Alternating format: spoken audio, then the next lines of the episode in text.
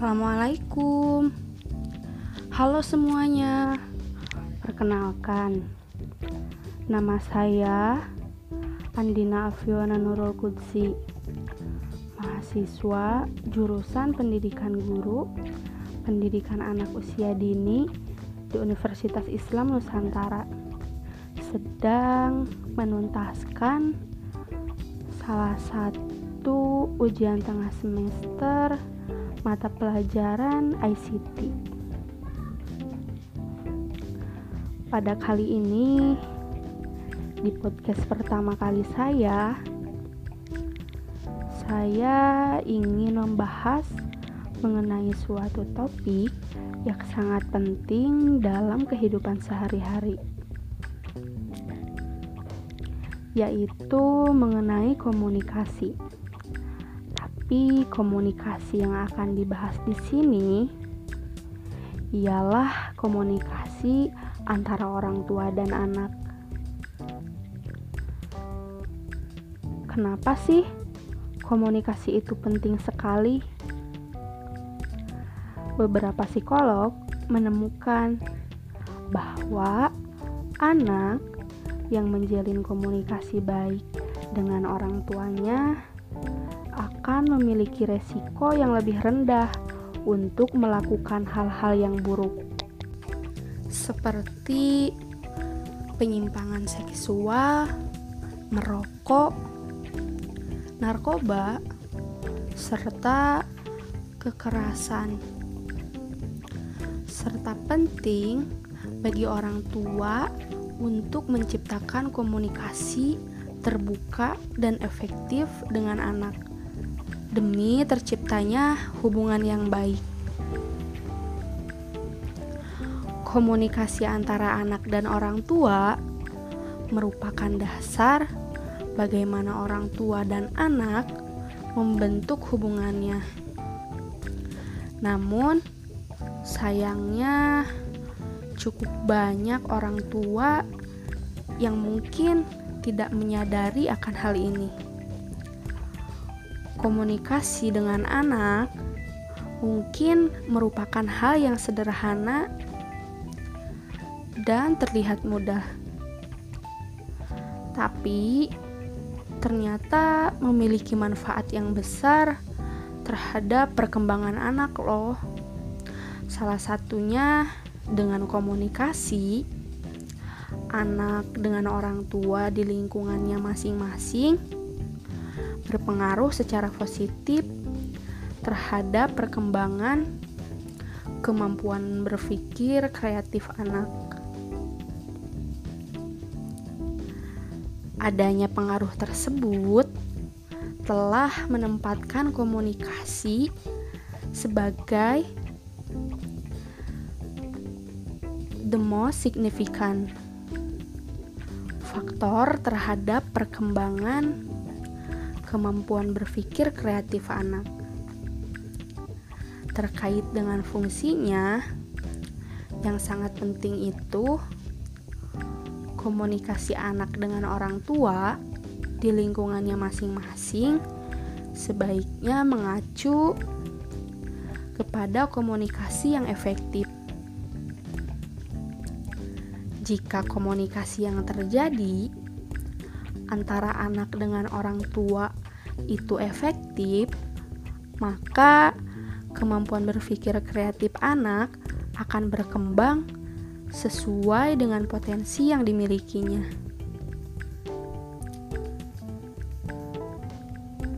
Gaya komunikasi instruksional yang dikembangkan orang tua di lingkungannya masing-masing sangat efektif bagi anak yang memiliki kemampuan berpikir kreatif tingkat rendah, tetapi tidak efektif untuk diterapkan pada anak yang memiliki kemampuan berpikir kreatif tingkat sedang.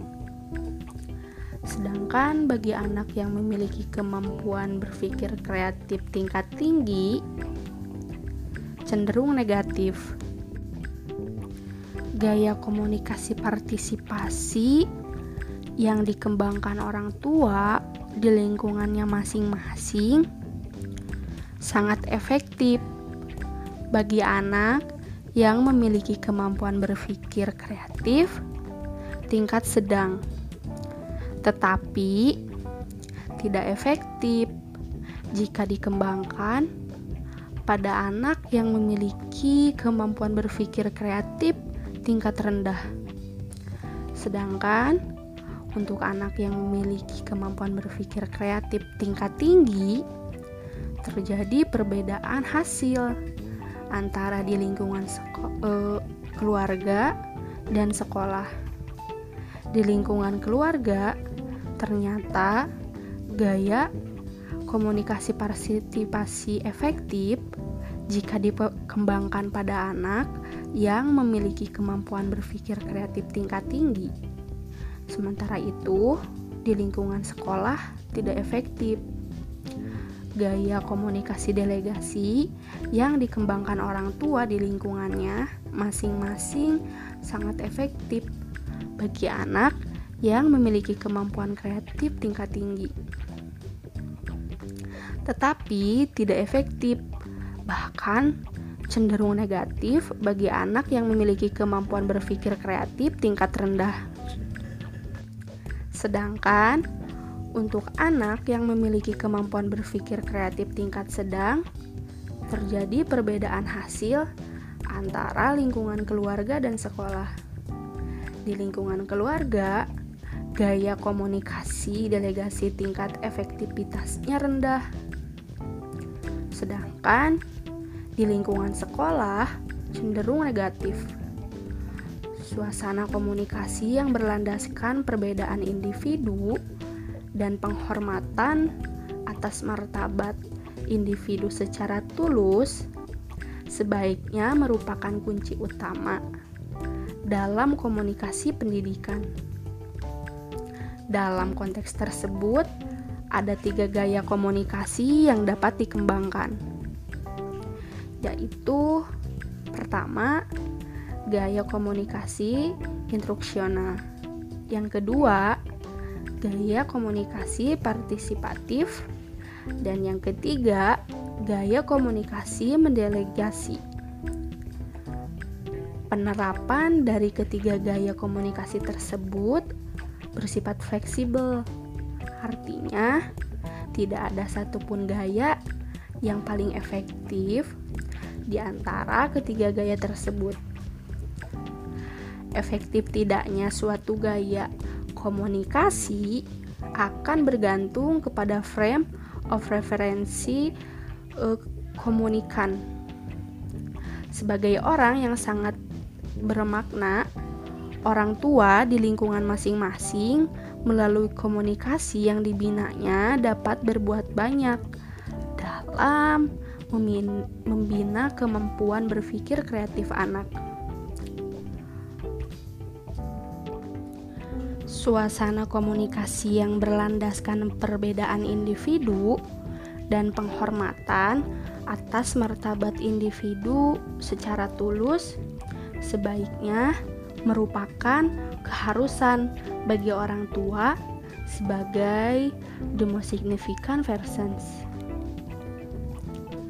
Penelitian terhadap kemampuan berpikir kreatif hendaknya diteliti dari berbagai faktor yang lebih luas, meliputi aspek-aspek latar belakang sosial, ekonomi keluarga, masyarakat, dan aspek internal individu, dan sebagainya. Antara ibu dan ayah memiliki peran yang berbeda dalam keluarga. Perlu diteliti sejauh manakah perbedaan peran tersebut dalam rangka pengembangan kemampuan berpikir kreatif anak. Mengingat Komunikasi di dalam keluarga tidak terbatas dengan orang tua, tetapi dengan anggota keluarga yang lain. Begitu pula dengan besarnya keluarga, anak pertama, kedua, anak laki-laki, perempuan, dan seterusnya. Perlu diteliti untuk memahami secara menyeluruh dan mendalam berbagai faktor yang berpengaruh terhadap keampuhan berpikir kreatif. Penelitian terhadap ter lingkungan sekolah juga perlu diteliti lebih lanjut dari aspek yang lain, seperti komunikasi siswa dengan siswa, fasilitas belajar, latar belakang sosial ekonomi, guru, dan sebagainya terhadap pengembangan kemampuan berpikir kreatif.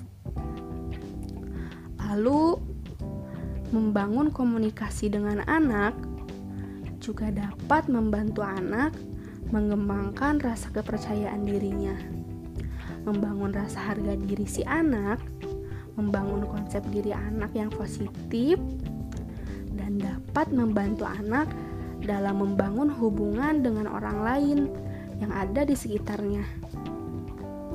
Mungkin Anda suka melihat anak kecil yang pemalu depan umum. Hal ini mungkin salah satunya disebabkan karena komunikasi orang tua dengan anak kurang terjalin dengan baik. Jika komunikasi yang terjadi menjadi suatu komunikasi yang terjalin buruk, hal ini akan membuat anak menjadi tidak hormat kepada orang tuanya. Akan sering terjadi pertengkaran antara anak dan hal ini akan membuat anak menjadi tidak hormat kepada orang tuanya. Sering terjadi pertengkaran antara anak dan orang tua dan muncul perasaan tidak berharga pada diri si anak. Dengan komunikasi akan membantu orang tua dalam memahami setiap perkembangan anak-anaknya. Karena perkembangan anak bisa berbeda-beda di tiap usianya. Dengan komunikasi, orang tua bisa mengetahui seperti apa anak mereka, apa yang mereka suka lakukan, dan tidak suka mereka lakukan. Jadi, temukan pola komunikasi Anda dengan anak yang baik dan membuat anak nyaman akan hal tersebut. Beberapa anak mungkin tidak terlalu nyaman jika orang tua mengetahui setiap apa yang dilakukan anak. Kuncinya adalah menjadi ingin tahu tanpa mengganggu aktivitas anak.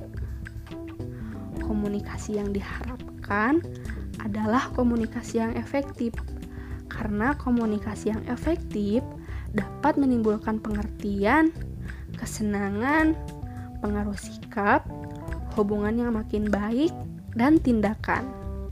Artinya, bagaimana orang tua menggunakan pola komunikasi yang lebih fleksibel pada aturan yang berlaku. Misalnya, apa yang dikatakan orang tua tetap penting, tetapi masih memungkinkan bagi anak untuk mengemukakan pikirannya berupa ide, pendapat, saran, dan saling mendengar. Pola komunikasi seperti ini lebih memungkinkan bagi anak untuk dapat mengatasi masalah atau memecahkan masalah karena ada interaksi dalam komunikasi.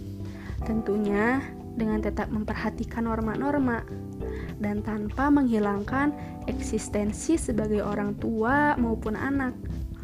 Komunikasi seperti ini memberikan lebih banyak kesempatan pada anak untuk menjelaskan permasalahan yang muncul dan ada banyak kemungkinan bagi anak mengekspresikan eksistensinya sebagai bagian dari komunikasi yang berlangsung.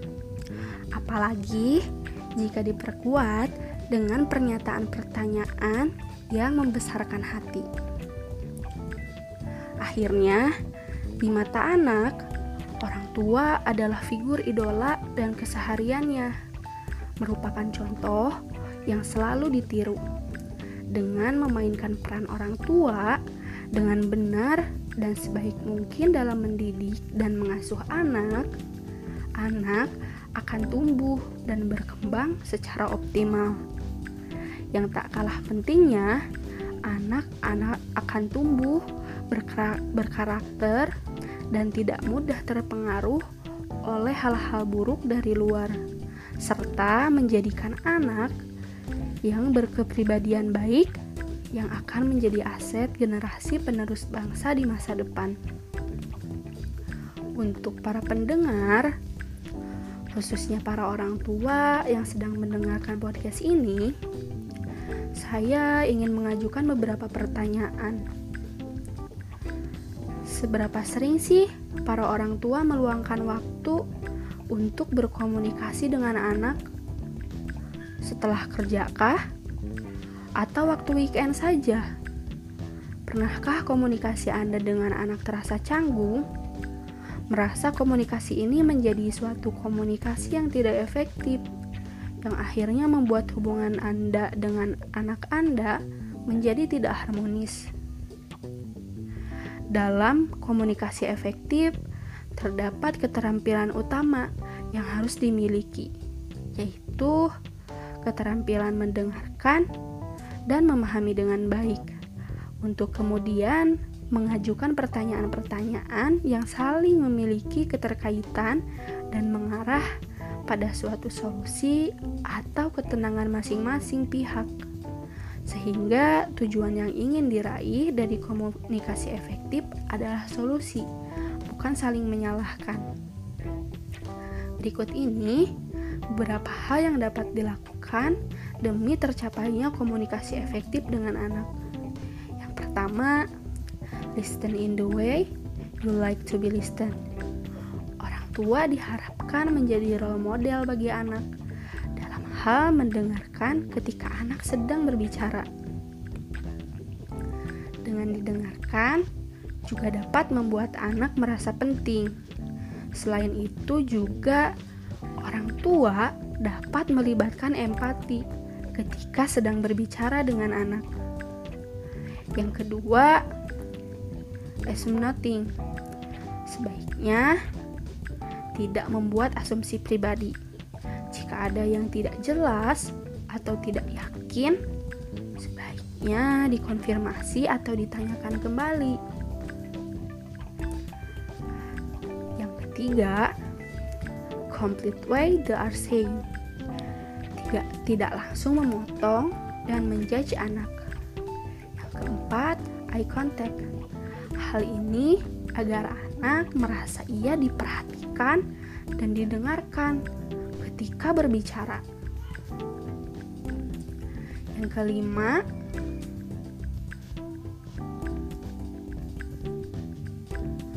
know when to talk and when not to talk memahami situasi dan keadaan.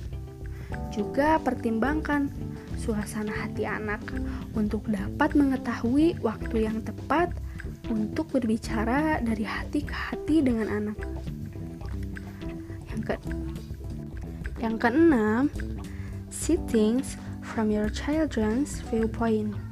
Hal ini bertujuan agar lebih dapat memahami keinginan anak dan anak pun dapat merasa lebih dipahami dan dimengerti, sehingga ia bisa lebih terbuka. Yang ketujuh, drop the expectation. Sebaliknya, berkomunikasilah secara terbuka dan sehat tanpa memiliki harapan mengenai apa yang akan diutarakan oleh anak. Bagaimana ia mengomunikasikannya, dan sebagainya. Komunikasi efektif ini juga dapat dilakukan dengan kebiasaan-kebiasaan kecil, seperti yang pertama, bangun kebiasaan untuk mendapatkan perhatian dari anak. Bagaimana cara menarik perhatian dari anak? Menurut peneliti dari University of Arizona, ia memaparkan bahwa dalam berkomunikasi dengan anak, ada beberapa hal penting yang harus dijaga, yaitu mempertahankan kontak mata dengan anak ketika berkomunikasi, tidak sambil memainkan gadget ketika anak bercerita, dan berbicaralah dengan jelas dan gunakan kata-kata yang mudah dimengerti oleh anak. Nah, dari situ, dari hal tersebut akan membuat anak merasa diperhatikan oleh orang tuanya, sehingga mereka pun akan memberikan perhatian balik ketika orang tua berbicara kepadanya. Yang kedua, bangun kebiasaan untuk bertanya seputar aktivitasnya. Nah, ini penting banget untuk para orang tua untuk start conversation dengan bertanya seputar kegiatan yang dilakukan seharian oleh si anak. Tunjukkanlah tindakan positif dan perhatian Anda dengan mengungkapkan rasa sayang dan kangen Anda. Coba tanyakan keseharian anak Anda dengan pertanyaan-pertanyaan simple seperti hari ini gimana deh di sekolah? Ngapain aja? Mama kangen loh gak ketemu kamu walaupun cuma sebentar. Terdengar simpel sih namun menurut Julianto Simanjuntak seorang penulis dan terapis keluarga ia mengatakan bahwa justru dari hal inilah akan membuat anak merasa bahwa ada sosok orang tua yang peduli dengan keadaan dirinya, sehingga akan menimbulkan dan menumbuhkan rasa aman dan percaya anak kepada orang tua. Yang ketiga, bangun kebiasaan mendengarkan anak.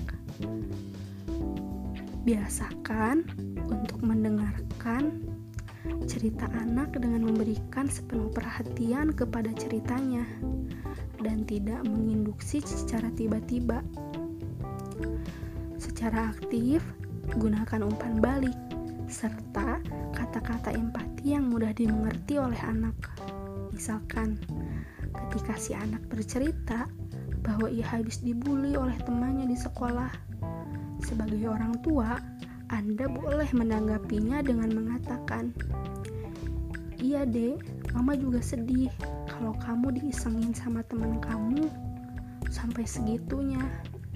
Lain kali, jika ada teman kamu yang ngisengin kamu, kamu harus berani bertindak tegas dan berbicara sambil menatap matanya dan katakan kepadanya, "Tolong jangan ganggu aku lagi. Aku nggak takut sama kamu. Nah hal ini sesuai dengan pemaparan yang diberikan oleh Profesor Balton untuk membantu anak menanggapi perundungan atau bullying yaitu dengan cara bertindak dengan tegas dan aktif namun tidak arogan. Selain itu Hal ini juga akan membangun bonding yang kuat antara anak dan orang tua. Dan melalui hal ini akan menumbuhkan kebiasaan anak untuk selalu terbuka dan cerita kepada orang tuanya. Yang keempat, atau yang terakhir, biasakanlah untuk mengucapkan kata maaf, memberikan apresiasi, ataupun penghargaan secara rutin, bahkan untuk hal sekecil apa pun kepada si anak.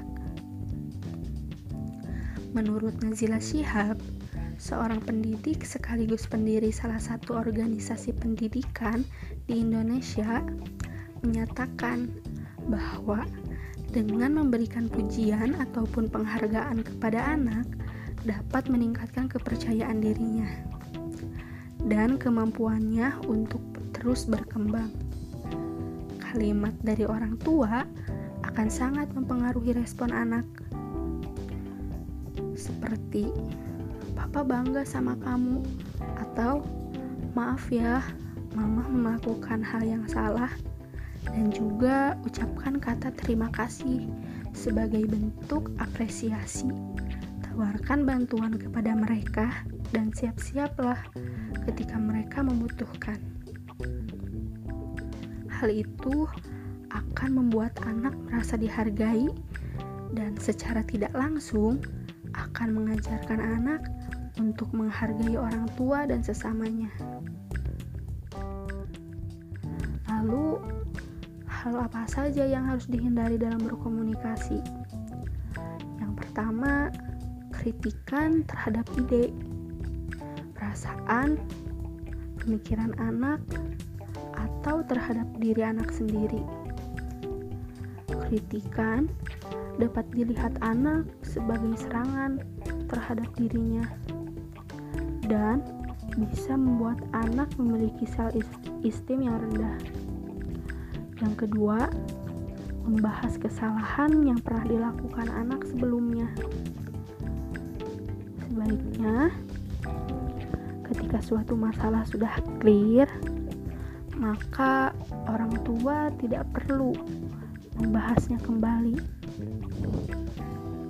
Hal ini dapat mengajarkan perasaan dendam atau menyimpan kesalahan orang lain dalam waktu yang lama. Yang ketiga, mengarahkan dan mendikte anak bagaimana harus menyelesaikan permasalahan.